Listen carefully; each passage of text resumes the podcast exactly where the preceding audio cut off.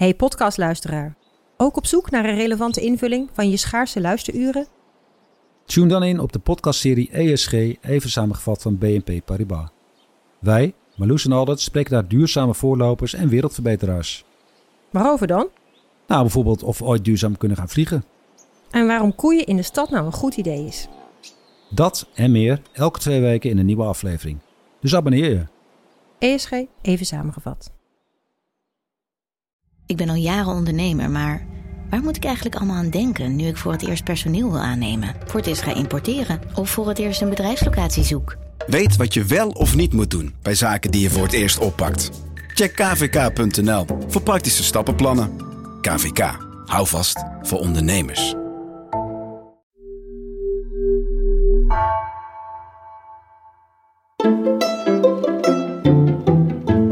Welkom. Wij zijn Onbehaarde Apen. Dit is een podcast van NRC over wetenschap.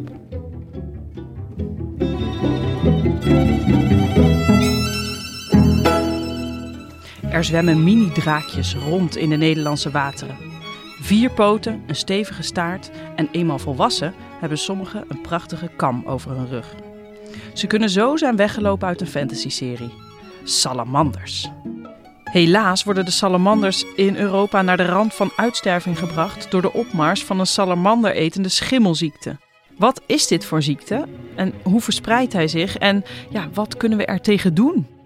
Mijn naam is Laura Wismans en vandaag zit ik in de studio met ja, biologieredacteur Gemma Venhuizen. Hoi, we kennen je natuurlijk als presentator, maar vandaag even aan de andere kant van de microfoon.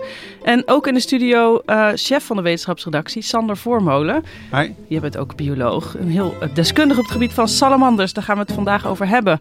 Want salamanders, die gaan jou aan het hart, Gemma. Vertel eens. Ja, ik heb deze zomer een, uh, een beetje een, een, verliefdheid ontwikkeld op salamanders. Ik heb voor het eerst van heel dichtbij salamanders bekeken. En het, het raakte iets in mij wat eigenlijk terugging naar toen ik een klein meisje was. Toen uh, als zevenjarige las ik The Hobbit. Ik weet niet of jullie die hebben gelezen van. Tolkien of anders Ja. de film hebben gezien. Maar daar heb je die draak, hè, Smaug. Mhm.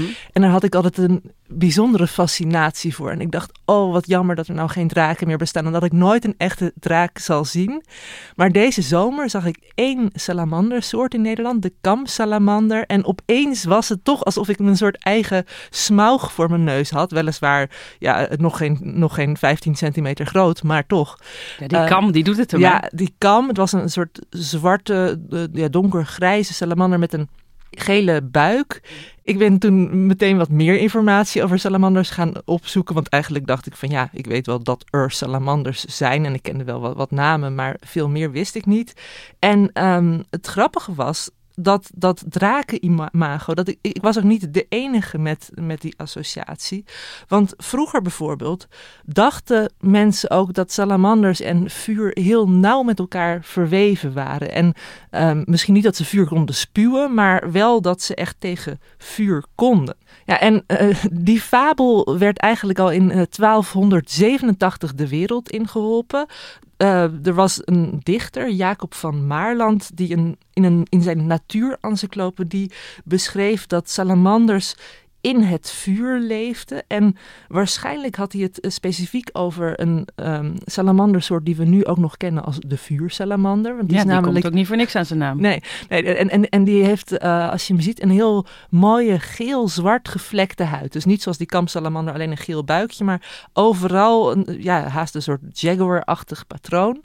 En eh, toen werd nog gedacht, zo eh, in de 13e eeuw, dat die, die combinatie zwart en geel, dat dat dat dat eh, een associatie was met, met vuur. Dus misschien dat de salamanders altijd al een innerlijk vuur in zich hadden en daarom niet konden verbranden. Maar het schijnt dat er zelfs riemen van hun huid werden gemaakt zodat mensen dan ook zogenaamd tegen vuur zouden worden. ehm. Het was een schild, een soort eh, brandwerend pak. maar ja, die arme eh, salamanders werden bij bosjes eh gevild. Ja, per Maar- 15 centimeter per stuk. Je denkt nu van, nou, we weten wel dat... de, de vuursalamander is wel een stukje groter dan de kamsalamander. Ik ben er wel eens een tegengekomen tijdens het wandelen. En eh, die zat midden op het pad, zo groot als mijn voet. En, en welke schoenmaat heb jij, Sander? 43. Oh ja. Dus het valt mee. Dat is een bescheiden schoenmaat, maar toch een grotere salamander dan die Ja, kamsalamander. maar dan zit je toch al wel aan ruim 20 centimeter, denk ik. Maar goed, die, die, die, die, die fabel heeft dus nog eeuwen eigenlijk bestaan. In 1716 werd er bij de Royal Society in Londen zelfs nog een proef gedaan met een salamander die in het vuur werd geworpen. En ehm, ja, er werden allemaal nauwkeurige beschrijvingen gedaan. Van en hoe hij die- overleefde dat natuurlijk. nou ja, hij- eh, aanvankelijk wel, maar hoe het precies is afgelopen. Ik vrees dat hij eh, uiteindelijk aan zijn brandwonden is bezweken. Ah. Eh, eerst zwol die op en daarna vluchtte die nog naar wat kooltjes toe. En zou die een soort slijm hebben uitgescheiden. En eh, tot daar gaat het verhaal voor Wat zover gruwelijk, ik weet. Ja. ja. Maar nou ja, die, hè, het- salamanders die kunnen dus niet tegen vuur. Nog eventjes, don't try this at home. en eh, ze hebben juist een hele tere huid. Daar Ja. hebben we het later nog wel over. Dus het vuurverhaal is verleden tijd eh, eh, naar het Rijk der Fabelen geholpen. Maar tegenwoordig is er wel een andere bedreiging. Want zo'n tien jaar geleden werden er in Zuid-Limburg, waar die vuursalamander juist voorkomt, opeens dode salamanders aangetroffen. Die waren geïnfecteerd met een tot dan toe onbekende schimmel, Batrachogithrium salamandrivorans. Ai. En ehm, die schimmel bleek dus een infectieziekte te veroorzaken die ontzettend besmettelijk was en waar de salamanders ook op een gruwelijke manier door overlijden. Niet in het vuur, maar gewoon eh, door een ziekte. Net Ja, zo gruwelijk misschien. Nou, hun huid wordt alsnog aangetast, maar dan dus niet door de vlammen, maar door die schimmel. Jeetje. hey, eerst nog heel even, want we hebben nu eh, ehm, mooie verhalen over de salamander gehoord. Maar eh, ik wil eerst nog even ook wel naar de feiten over de salamander. En daarna wil ik alles weten over die ziekte. Ehm, want ja, wat is eigenlijk het verschil met een hagedis? Ja, dat is een, een veel voorkomende vergelijking. Ehm, allereerst, een hagedis is een reptiel en een salamander is een amfibie. En dat zijn allebei eh, koudbloedige diergroepen, dus die dus eh, de, zon nodig hebben om hun lichaamstemperatuur te verhogen. Maar je hebt een paar kenmerkende verschillen. Vooral eh, amfibieën die leven voornamelijk in het water en eh, reptielen juist op land. Eh, een hagedis moet je niet zomaar in een sloot gooien. Verder is het ook zo dat de, ehm, bij, de, bij reptielen worden de jongen meteen al in hun oorspronkelijke vorm geboren. Dus ze komen allebei uit eitjes, maar bij een hagedis heb je meteen al een mini-hagedisje. En bij een salamander heb je eerst nog een soort, soort larve. En eh, die hebben dan ook nog uitwendige kieuwen. Ik weet niet of jullie de, de axolotl toevallig kennen. Ja, zeker. Ja, nou ja, daar heb je ook zo'n plaatje dat, dat hij zijn kieuwen aan de buitenkant heeft. Ziet er heel grappig uit. En dat is bij jonge salamanders dus ook. En die gaan dan later naar binnen. Ehm, eh, reptielen hebben ook een, een, een dikkere huid met, met schubben. Terwijl die van salamanders juist heel erg teer is. Ja, want dat gaat eigenlijk precies zo bij kikkers, ook amfibieën natuurlijk.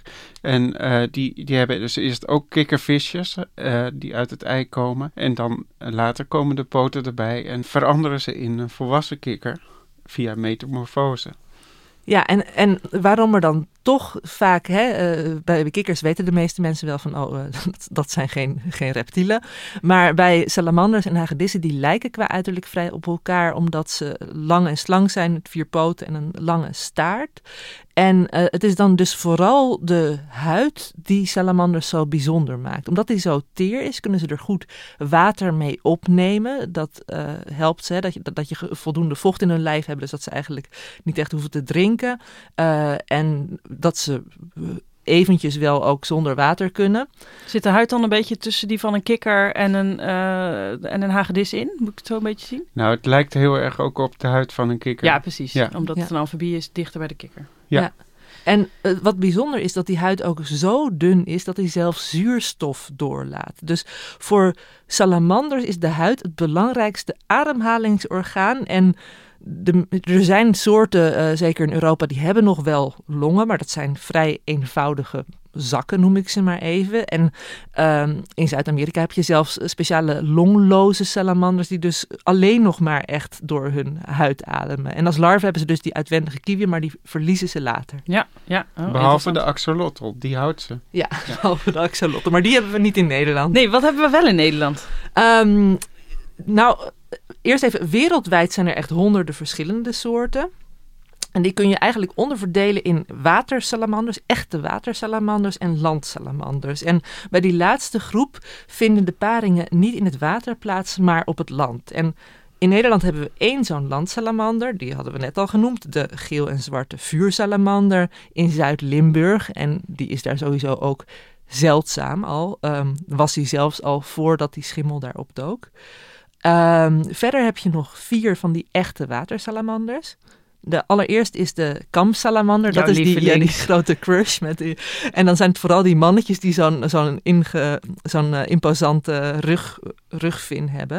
En die zijn ook wel vrij zeldzaam in Nederland. En die kunnen tot 20 centimeter groot worden. Um, dan heb je nog de Alpenwatersalamander. Ondanks zijn naam komt hij ook gewoon in Nederland voor. Blauw gekleurd met een fel oranje buik en zo'n 12 centimeter groot. En die blijft wel buiten het voortplantingsseizoen vooral op land. Alpen in de zin van Dutch Mountains dan. ja, dat is. Uh, maar hij, hij, komt ook in de echte Alpen voor. Maar in, in, in Nederland uh, is hij niet zo aan relief gebonden. Die vuursalamander die ik tegenkwam was trouwens in Oostenrijk. Dus dat was wel een Alpenontmoeting. Oh, kijk, ja. oh, dat, dus je hebt niet een van die hele zeldzame Zuid-Limburgse exemplaren gezien. Dat... En um, dan hebben we ook nog de kleine watersalamander. Dat is een veel voorkomende soort en die is zo'n 10 centimeter lang. Heeft uh, een beetje bruinachtig met een rood, rood buikje met zwarte stippen. Uh, maar Ondanks zijn naam is de kleine watersalamander niet de kleinste salamandersoort. Dat is namelijk de vinpootsalamander. Oh. Zo'n 9 centimeter lang. En dan heb ik dus steeds ook met de staartlengte erbij. Hè. En die staart die, die maakt vaak zo'n een derde van de hele lichaamslengte um, uh, uit. En die hebben de mannetjes, die hebben dan een soort zwartige zwemvliezen aan hun achterpoten. En heel grappig, een heel dun draadje aan hun staart. En zij overwinteren ook vaak in het water. En zij komen, net als de vuursalamander, in Zuid-Limburg voor. Maar ook een beetje wat meer in heideachtig gebied. Uh, maar door heel Nederland kun je dus in principe ook in je eigen tuin salamanders tegen. Of als je een vijver hebt, zeg ik dan er dan maar even bij. Ook in, ook in je eigen vijver kun je salamanders tegenkomen. Hey, en um, eerlijk gezegd, uh, mijn kennismaking met salamanders uh, was in het boek Mathilda van Roald Dahl. En daar wordt hij juist omschreven als een, um, een ongelooflijk lelijk, griezelig, gruwelijk beest. Wat doet een salamander zo al? Is die inderdaad gruwelijk? Um, of, of, of is het een liefelijk dier? Hoe moet ik hem zien? Wat voor eigenschappen heeft hij? Ja, bedankt Roald Daal dat er gewoon een hele generatie... Misschien duurde het daarom ook zo lang dat mijn salamanderliefde op gang kwam. Omdat ik als kind altijd dacht van... Nou, daar moet je uit de buurt blijven. Een, allereerst, salamanders uh, zijn... Het, zijn wel vleeseters. Maar um, de, de vuursalamander die eet bijvoorbeeld naaktslakken. Uh, andere salamanders eten insecten, muggenlarven, watervlooien in een ecosysteem houden ze bijvoorbeeld dus het insectenpeil op stand. Uh, anderzijds vormen ze zelf ook weer een prooi voor grotere dieren soms, uh, voor vogels bijvoorbeeld. Maar ja, qua engheid je kunt zeggen, oké, uh, salamanders hebben net als andere amfibieën wel gifklieren, de parotoïden. En um, die zitten zo een beetje op, op de plek, uh, zeg maar, uh, rond oorhoogte. Of, uh, Waar eerst die kieuwen zaten, zitten ja, nu precies, ineens. Ja. En die van de vuursalamanders zijn ook wel relatief groot, maar um, ja, die, die, die ze kunnen dan, hè, als ze bedreigd worden, in principe gif afscheiden, wat dan de slijmvliezen irriteert. Maar je moet die dieren allereerst gewoon helemaal niet aanraken. Nee, maar dus... heel even nog. Geldt het voor alle, voor alle salamanders? Of alleen de vuursalamander? Maar ook de salamander die gewoon in de sloot zit? Nou, alle, alle salamanders hebben in principe wel die gifklieren. Maar het hangt er echt wel vanaf welke soort je hebt. Je hebt bijvoorbeeld ook een soort die wel uh, die, die niet van nature in Nederland voorkomt. De Spaanse ribbensalamander. En die heeft dan ook knobbels waar gif uit schijnt te komen. Maar nou ja, lang verhaal kort. Weet je, het is echt gewoon, je hoeft totaal niet bang te zijn voor de salamanders bij ons in de sloot. Maar het is wel andersom. Die salamanders die moeten bang zijn voor ons. En uh, je moet ze gewoon ook, het zou heel stom zijn om ze op te pakken of ze aan te raken. En niet dus vanwege uh, de angst dat je zelf gif naar je gespoten krijgt. Maar wel dat het voor hen een dodelijke ontmoeting kan zijn. Dus... Ja, want nu dit, uh, jij gaat hier richting de schimmelziekte. Hè? Vertel daar eens even over. Ja, je hebt ehm, eh, al langer, uh, voor 2013, was er een andere amfibieziekte bekend. Die, werd ook wel de, de, de meest, um, uh, de, de grootst verspreidende infectieziekte onder gewervelden genoemd. En dat, naam van die ziekte is chytridiomycose. En die werd veroorzaakt, of wordt veroorzaakt moet ik zeggen, want hij is er nog steeds, door een um, schimmel, een amfibieschimmel, Batrachoghytrium dendrobatidis. Je hebt echt hierop geoefend, hè? Mooie tongbreker. ja. Ik vind het knap. En um, die, ja, ik, heb er, ik heb er ook wel vaker over, het geschre uh, over geschreven in het verleden. En uh, die ziekte die is eind jaren negentig al voor het eerst beschreven. En uh, die komt ook uh, vooral bijvoorbeeld veel voor in Amerika. Dus ook in, Midden-Amerika en in Zuid-Amerika. Uh, Australië. Ja, ja, hij, is, hij, heeft zich over de hele wereld verspreid eigenlijk. Ja. ja. En er zijn echt een heleboel soorten door aangetast. En hele populaties van, van zeldzame amfibieën zijn daar bijna aan onderdoor gegaan. Is het een algemene amfibieziekte of specifiek voor salamanders? nou, die, die dendro Dendrobatidis. Zoals ja, kijk maar even ja? op je blaadje. Ja. ja. We zeggen ook gewoon BD, kunnen we ja, zeggen. BD, dus de Dendrobatidis. De, de, je hoort het al aan de naam, Dendrobatidis. Dat is een boomkikker. Die werd eerst uh, gezien in, uh, in pijlgifkikkers in uh, Midden-Amerika. En die heeft zich dus over de hele wereld verspreid. Maar dat is eigenlijk een proces dat al heel lang aan de gang is. Want de eerste is al in de, in de jaren 30 gezien in een klauwkikker uit Afrika. Aha, maar is het dan nu dat ze Europa bereikt hebben, deze schimmels? Ja, en kennelijk dus ook een variant voor de salamanders. Ja, ja. ja. Nou, ik heb uh, dat ik deze zomer in aanraking kwam, of zeg maar niet letterlijk in aanraking, maar dat ik deze zomer salamanders van zo dichtbij heb kunnen zien, was omdat ik mee op reportage mocht met Annemarieke Spitsen van Ravon. En dat is echt de organisatie voor reptielen en amfibieën in Nederland. En zij heeft ook een proefschrift geschreven over uh, allereerst dus uh, BD, maar ook over B-sal. En zij is ook vanaf het begin, dus bij die ontdekking van B-sal, van Batrachogitherium salamandriforans, in Nederland aanwezig geweest. Want die is dus, dat is de specifieke salamander. Ja. Dat is de salamanderschimmel. Ja. Precies. Ja. ja, want je hebt bijvoorbeeld ook uh, in Nederland is er wel BD bij de uh, geelbuikvroetpad bijvoorbeeld. Dus dan merk je al van hè, dat is dan buiten die salamanders ook. Um, maar die is nooit zo super heftig geweest uh, vergeleken bij bijvoorbeeld uh, Zuid-Amerika of Midden-Amerika. Maar B-sal ontdekten ze dus in Zuid-Limburg bij die uh, vuursalamanders. En, en die vuursalamanders die zijn echt de dupe geworden van de schimmel. Want aanvankelijk kwamen er drie populaties van die soort voor in Zuid-Limburg. En van één van die drie populaties is nu nog maar 0,1% over. En wat voor aantallen hebben we het dan over? Twee of zo. Ja, gewoon echt, gewoon, weet je, je kunt ze op een hand tellen nu. Waar je de, de, eerst had je dan in Zuid-Limburg misschien nog honderden salamanders. En nu ja. heb je uh, bij een, uh, een van die populaties is helemaal weg. Eentje is dus, heeft nog dus 0,1% over. En van een derde kleine populatie zijn te weinig gegevens. Dus het is heel moeilijk om exacte aantallen te kunnen zeggen, maar bij transecten die hebben, ja, kun je wel zeggen. Ja, dus nou echt, echt met uitsterven bedreigd. En uh, dat ik nu met Spitsen afgelopen zomer mee was, is omdat zij met haar collega Jesper Berndsen nu vooral in Gelderland bezig is met een nieuw onderzoek om te zien hoe uh, vooral twee van de andere soorten, de kleine watersalamander en de kamsalamander, uh, het doen met bezal. Hè? Is die schimmel daar ook aanwezig en uh, wat doet die?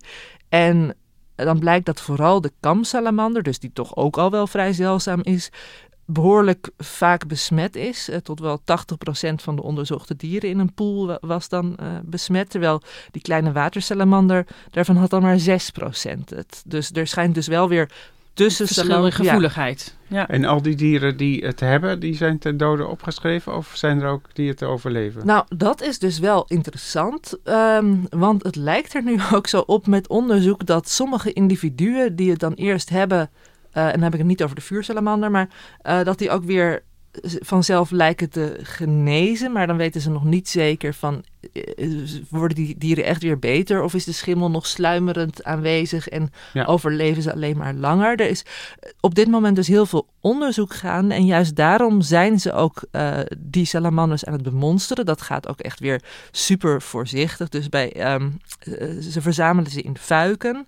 Ehm, vanuit de fuiken gaan ze dan in emmers. Dan pakken ze steeds voor elke salamander die ze oppakken, doen ze nieuwe handschoentjes aan. Dan nemen ze met een wattenstaafje zo'n swab af om eh, DNA te verzamelen en te zien of de schimmel op ze aanwezig is. Ze worden gewogen, ze worden gefotografeerd, ze worden opgemeten, allemaal om te zien van hè, zijn dit gezonde dieren, zijn het ongezonde dieren. Eh, dus dat is echt nog onderzoek in volle gang. Ehm, wat we wel kunnen zeggen van de vuursalamander is tot nu toe het hardst getroffen. En verder is het dan ja, is, is het afwachten. Wat wel weer interessant is, is dus, dus dat die vinpootsalamander, de kleinste van allemaal, die, die lijkt juist redelijk immuun voor, op de Die een of andere ontspringt de manier. dans, Ja. die zwemt er tussendoor. Ja. Hey, en, dan- en even nog, want veel eh, eh, onderzoek wordt er naar gedaan. Maar misschien kunnen we ook nog heel even in de schimmel zelf duiken. Hoe ziet hij eruit? Eh, wat doet hij bij de salamander? Ehm, Ja, ja. de schimmel is eigenlijk een eh, eencellige schimmel. Eh, net als gist, zeg maar. Ja. Ehm, die leeft vrij in het water en die, die heeft dan eh zoosporen, noemen ze dat. Dat, dat zijn dus eencellige met een zweepstaartje. En die zwemmen dus letterlijk naar de amfibie toe. Moet ik me dat voorstellen als een spermacel? Is dat Ja, de zo- bekendste zoiets, ja. variant hiervan? Oké. En, eh, en die, die kruipen in de huid van, eh, van de amfibieën. Dus eh, ja, door kleine openingetjes. Die waterdoorlatende en zuurstofdoorlatende Ja. huid. Ja. En ze hebben een voorkeur voor keratine. Dat is het materiaal waar eh, huid uit is opgebouwd. En daar eten ze van. En het gevolg is dat die huid dus aangetast wordt. En, en eet één zo'n... Of gaan ze met heel veel tegelijk erop? Of vermenigvuldigt hij zich in de huid? Of hoe ja, dat, dat is eh, een kwestie van een paar dagen dat, eh, dat die schimmel zich kan vermenigvuldigen. Eh, maakt een soort eh, potje. Ja. En daar komen dus weer nieuwe zoosporen uit. Dus eh, ja, zo, zo gaat dat. En, en hoe lang duurt het dan voordat hij eh, ten onder gaat, een salamander? Eh, zeg maar van enkele dagen tot eh, misschien eh, twee weken. Maar het nare is dat als je eenmaal echt getroffen bent als salamander hè, en, en als je huid wordt aangevreten, dan, dan, dan ben je je- je belangrijkste ademhalingsorgaan ben je kwijt. Je hele vochtopname is ook uit balans. Dus je, je, bent in die zin Meteen Ik- verzwakt. ja, dat, dus, het is, ik bedoel, voor iedereen is een huid, huidaantasting natuurlijk heel erg naar. Maar zij, zij kunnen dan ook letterlijk opeens niet meer goed ademhalen. En ehm, het is wel zo dat sommige individuen die, die lijken dan weer resistent. Maar de meeste, zeker bij vuursalamanders, die, die leggen dus echt het loodje. Ja. Ja, wat er ook gebeurt is dus dat de zoutbalans in het dier eh, verstoord raakt. Dus eh, bijvoorbeeld, eh, ze hebben gemeten bij kikkers die eh, geïnfecteerd waren, wa- waren hele lage concentraties kalium in het bloed. En dat kan dus ook gevolgen hebben voor de werking van bijvoorbeeld het hart. En ja, ja, dus je kan en niet meer ademen en je Ja. hart... Ja, dus, dus hoe verder die vreet, hoe, hoe meer je ten onder gaat. Ja. ja. Hey, en, en wat voor gevolgen heeft dit dan voor, eh, voor de rest, voor de biodiversiteit om die salamander heen? Nou, het is echt in die zin wel een soort domino-effect. Dat ze bijvoorbeeld in eh, Panama, waar BD dan voorkomt, eh, ook hebben gezien dat de diversiteit aan slangensoorten minder wordt. En dat is dus niet omdat die slangen zelf worden aangetast, maar wel omdat slangen dan van bepaalde amfibieën leven. En als die amfibieën er minder of niet meer zijn, dan kunnen de slangen dus ook uitsterven. Dus je kunt wel zeggen van het speelt door in de voedselketen. Sowieso zijn salamanders, ehm, juist omdat ze vrij kwetsbaar zijn, eh, zijn ze in een ecosysteem vaak, hè, net zoals je de kanarie in de koolmijn hebt, die als eerste eh, laat zien van hé, er is Ja. iets mis. eh, hebben salamanders een soortgelijk doel dat ze bijvoorbeeld kunnen ehm, aantonen dat er gifstoffen in het water zitten of wat dan ook. Dus stel dat je de salamanders niet meer hebt, kan het ook zijn dat een ecosysteem vervuilt. eh, door wat voor reden dan ook. Maar dat je dus die, die early warning van de salamanders niet meer hebt. En, en dat andere dieren het loodje leggen. Dus eh, ja, misschien zijn de insecten blij dat de salamanders er niet meer zijn. Maar uh, het, het heeft dus wel. Het gaat niet alleen over salamanders. Het gaat echt wel om, om een heel ecosysteem daaromheen. Ja, ja.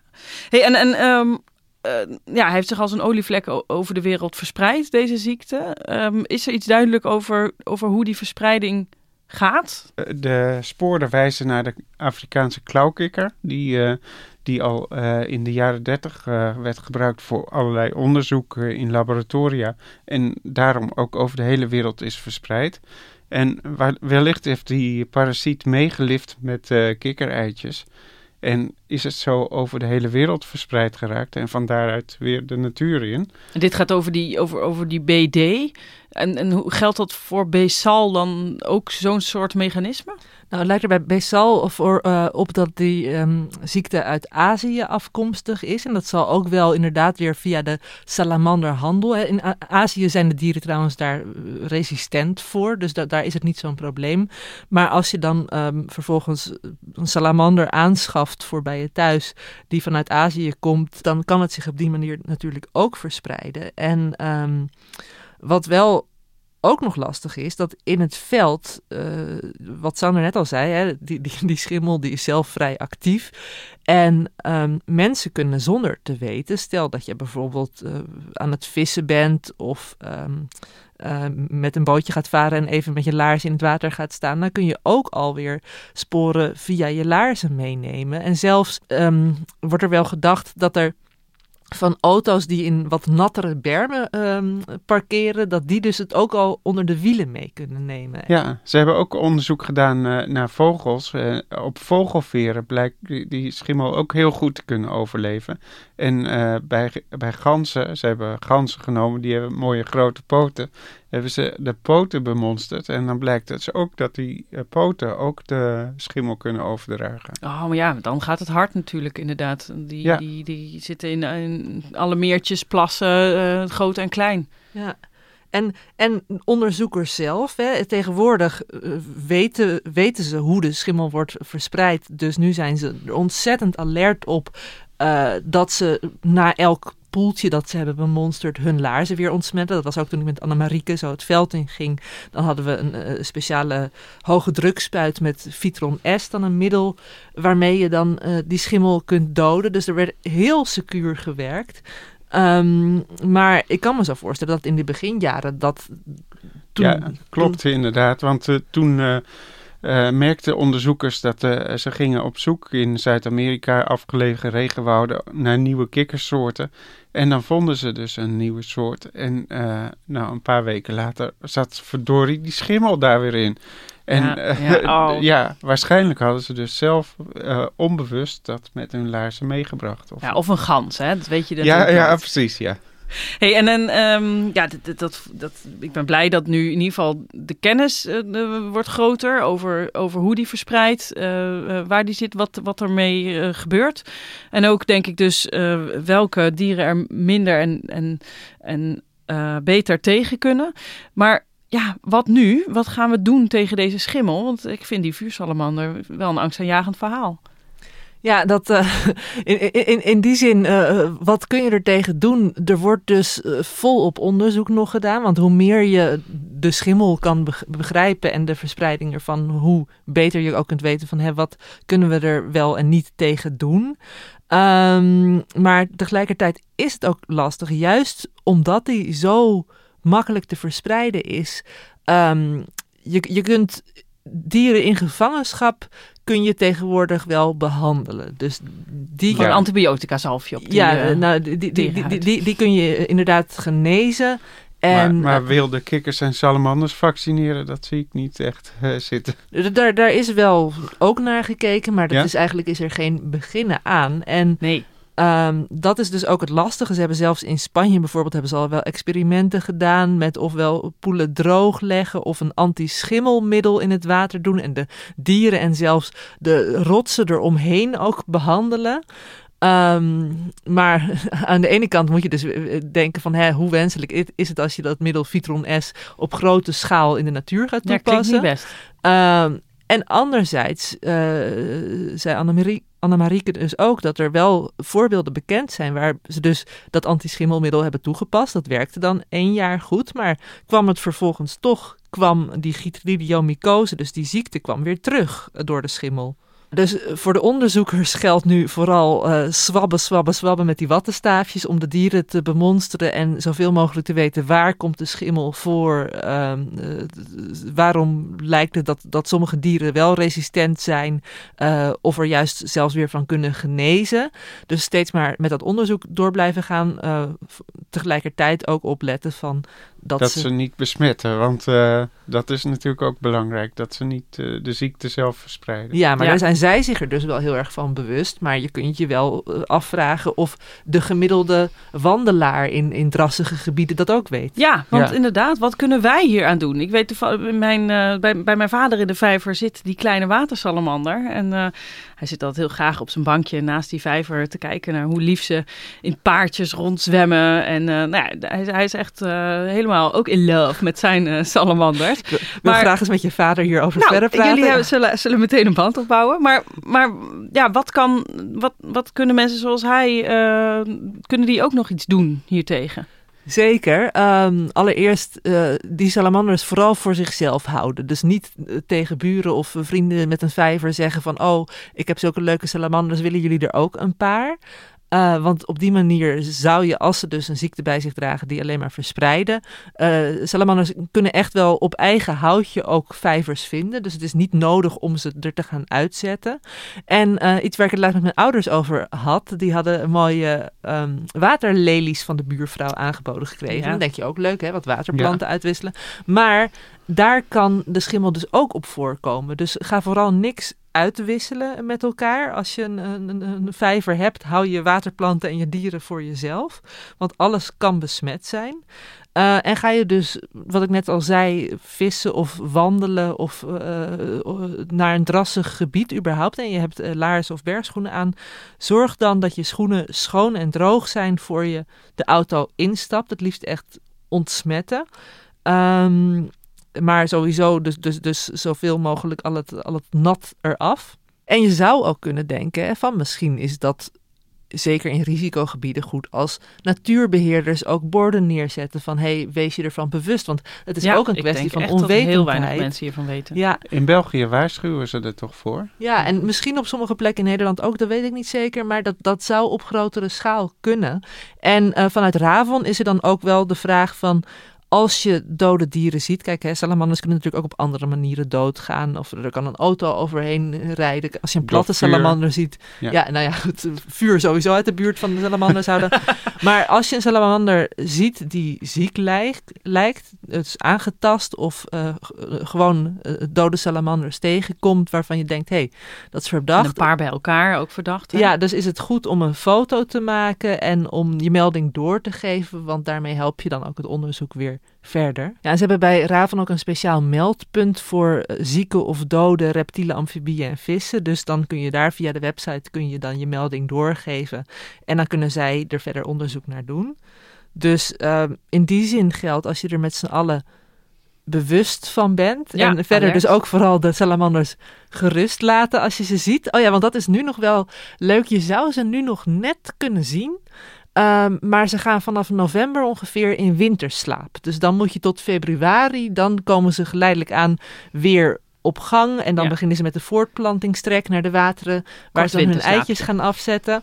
Um, dus, dus de komende maanden heb je geen salamander spotkans, maar daarna weer wel. En ja, we hopen natuurlijk uiteindelijk dat ze toch een vorm van resistentie ontwikkelen. Dat ze met de schimmel leren leven. Dus dat, um, ja.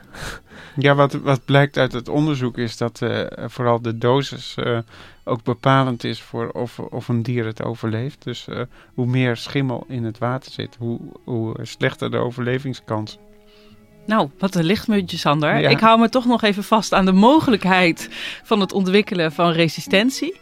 Uh, dat, dat gun ik die salamander uh, wel. Want je hebt mij, uh, ja, ik, ik begon hier als een, een, met de achtergrondkennis. Het zijn gruwelijke, slijmerige beesten. Maar je hebt mijn liefde voor de salamander wel doen groeien. En ik hoop nu echt met vuur in mijn hart dat ze, dat ze het gaan overleven. Um, Daarmee komen we aan het einde van deze aflevering. Dank Gemma, dank Sander dat jullie hier aanwezig wilden zijn. En ook dank Rosa van Toledo voor de productie van deze aflevering. En de muziek die je hoort is van het Dudok Quartet. Volgende week zijn we er weer. Tot dan.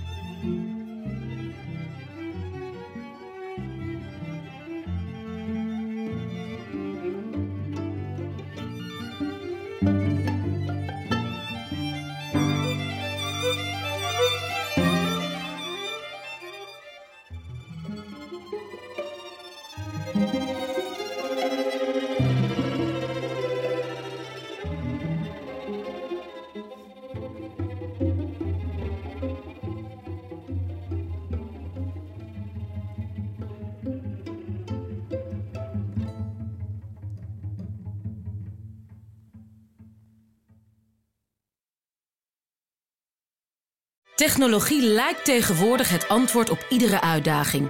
Bij PwC zien we dit anders. Als we de potentie van technologie willen benutten, kunnen we niet zonder een menselijk perspectief. Human-led, tech-powered noemen we dat. Ga naar pwc.nl.